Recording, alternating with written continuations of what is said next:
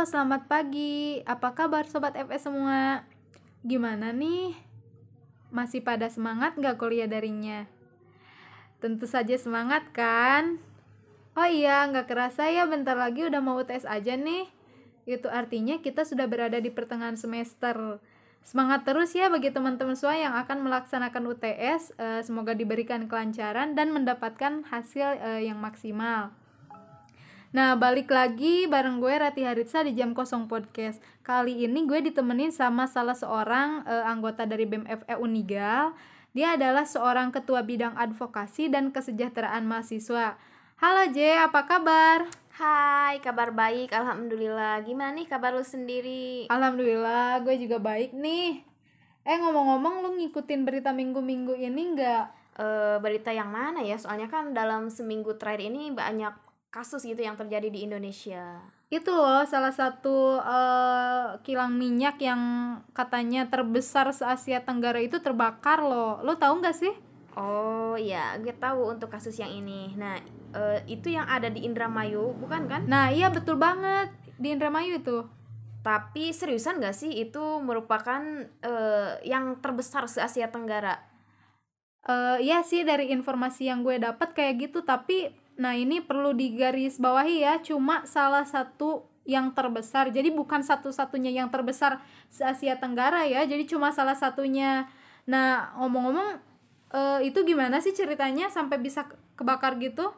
Kira-kira uh, dari informasi yang lu dapat itu sebenarnya gimana sih ceritanya? Uh, Oke, okay. sesuai informasi yang saya baca dan juga dapatkan, uh, sebelum menjawab pertanyaan lu tadi, gue mau memperjelas dulu nih kalau sebenarnya yang terbakar itu kan bukan kilangnya, tapi tangki. Nah, kilang di sini kan artinya itu tempat pengolahan minyaknya, hmm. di mana dari minyak mentah hingga menjadi produk BBM, hmm. non BBM dan petrokimia. Nah, yeah. Kalau tangki itu sendiri kan merupakan tempat untuk penyimpanan minyaknya, oh. dan untuk yang terbakar itu 4 tangki atau sekitar 2 hektar dari total keseluruhan yaitu 180 hektar luasnya. Hmm, gitu.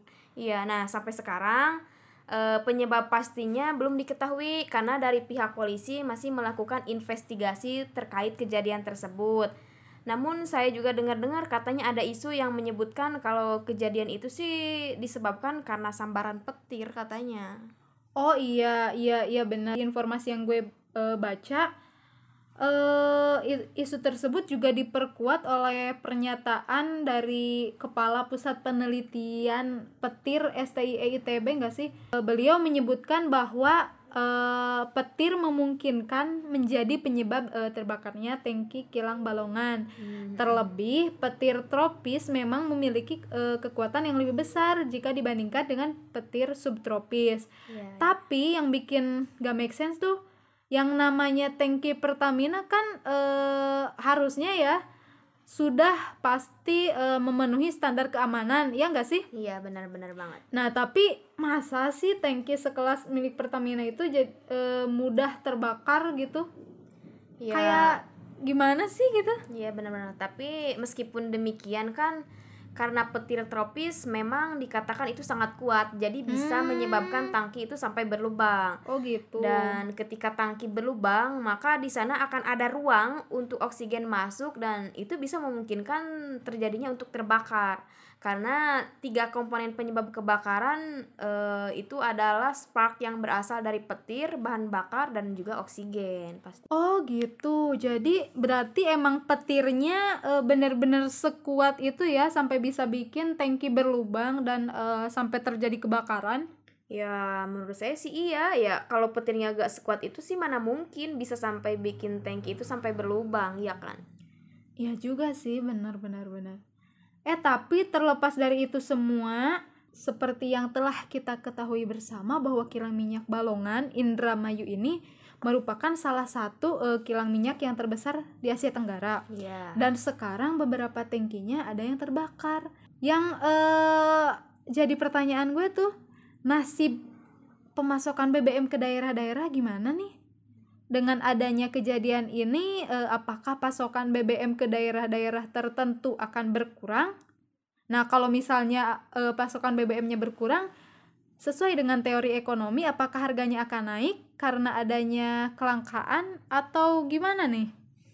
Hmm, waduh, untuk yang ini ya, jadi jangan terlalu dikhawatirkan. Eh, meskipun itu menjadi kekhawatiran kita bersama Hmm, untuk saat iya, ini, benar. tapi tenang aja sih. Jadi santai aja lah karena dari jangan terlalu dikhawatirkan juga. Stok masih sangat banyak dan dari pihak Pertamina, eh, dari Direktur Pertamina pun sudah memastikan bahwa Hmm. pasokan BBM secara nasional dikatakan aman. Hmm, Jadi Pertamina akan mengoptimalkan produksi dari kilang yang lain sehingga Oh, tidak ada gitu. kendala dalam supply BBM. hmm, Nah, kan karena sebenarnya juga kan processing plant yang utama tidak terdampak. Kebakarannya juga kan hanya sebagian daerah tangki saja. Jadi jangan terlalu dikhawatirkan lah, insya Allah baik-baik aja. Atau pihak Pertamina pun sudah mengklaim kalau pasukan BBM secara nasional itu aman. Itu sih informasi yang saya dapatkan. Oh gitu ya. Eh, ini berarti tidak akan terjadi kelangkaan ya karena peristiwa ini harusnya.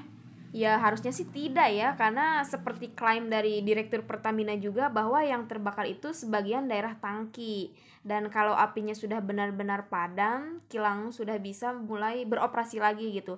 Terus Pertamina juga akan mengoptimalkan produksi dari kilang lain eh, sebagai bentuk antisipasinya gitu untuk mengantisipasi dari kelangkaan ini. Hmm, jadi karena stoknya juga masih aman dan mungkin karena eh, permintaan yang masih sama berarti kalau mengacu teori kan harusnya harga tidak akan mengalami kenaikan ya. Kecuali misalkan eh, kalau sampai stoknya terbatas terus permintaannya bertambah gitu kan mungkin bukan mungkin pastilah ya terjadi kelangkaan. Tapi ini kan diklaim eh, dari pihak Pertamina-nya juga bahwa stoknya masih sangat aman gitu untuk eh, skala nasional. Ya, iya ya, benar banget.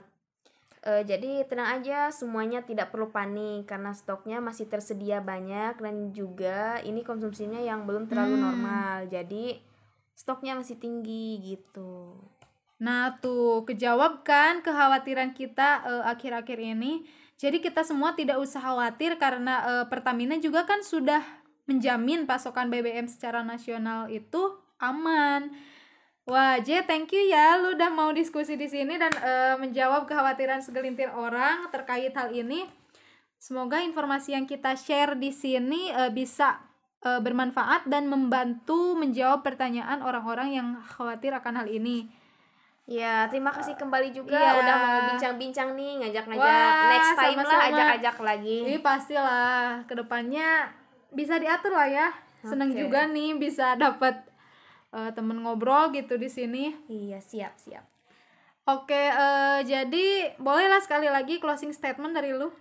Eh, jadi untuk closing statement yang pertama itu jangan terburu-buru untuk menyimpulkan informasi, cermati kembali dan jangan hanya membaca hanya dari satu sumber literatur saja. Dan yang kedua, jadi eh, diusahakan buat teman-teman semua eh, baca-baca dan itu dari sumbernya yang terpercaya gitu. Dan yang ketiga itu terkait eh, dengan suplai BBM eh, dari pihak Pertamina sendiri kan sudah mengklaim bahwa untuk suplai secara nasional dikatakan aman. Jadi teman-teman semua di luar sana jangan terlalu khawatir. Dan yang terakhir eh, karena dalam kasus ini masih dalam proses investigasi, jadi setiap harinya pasti ada proses kemajuan dan juga perkembangan. Jadi buat teman-teman semua eh, bisa mengupdate setiap harinya untuk informasi dari kasus ini gitu. Nah, oke, thank you ya Jess sekali lagi udah Siap. mau eh, sharing di sini gitu. Iya.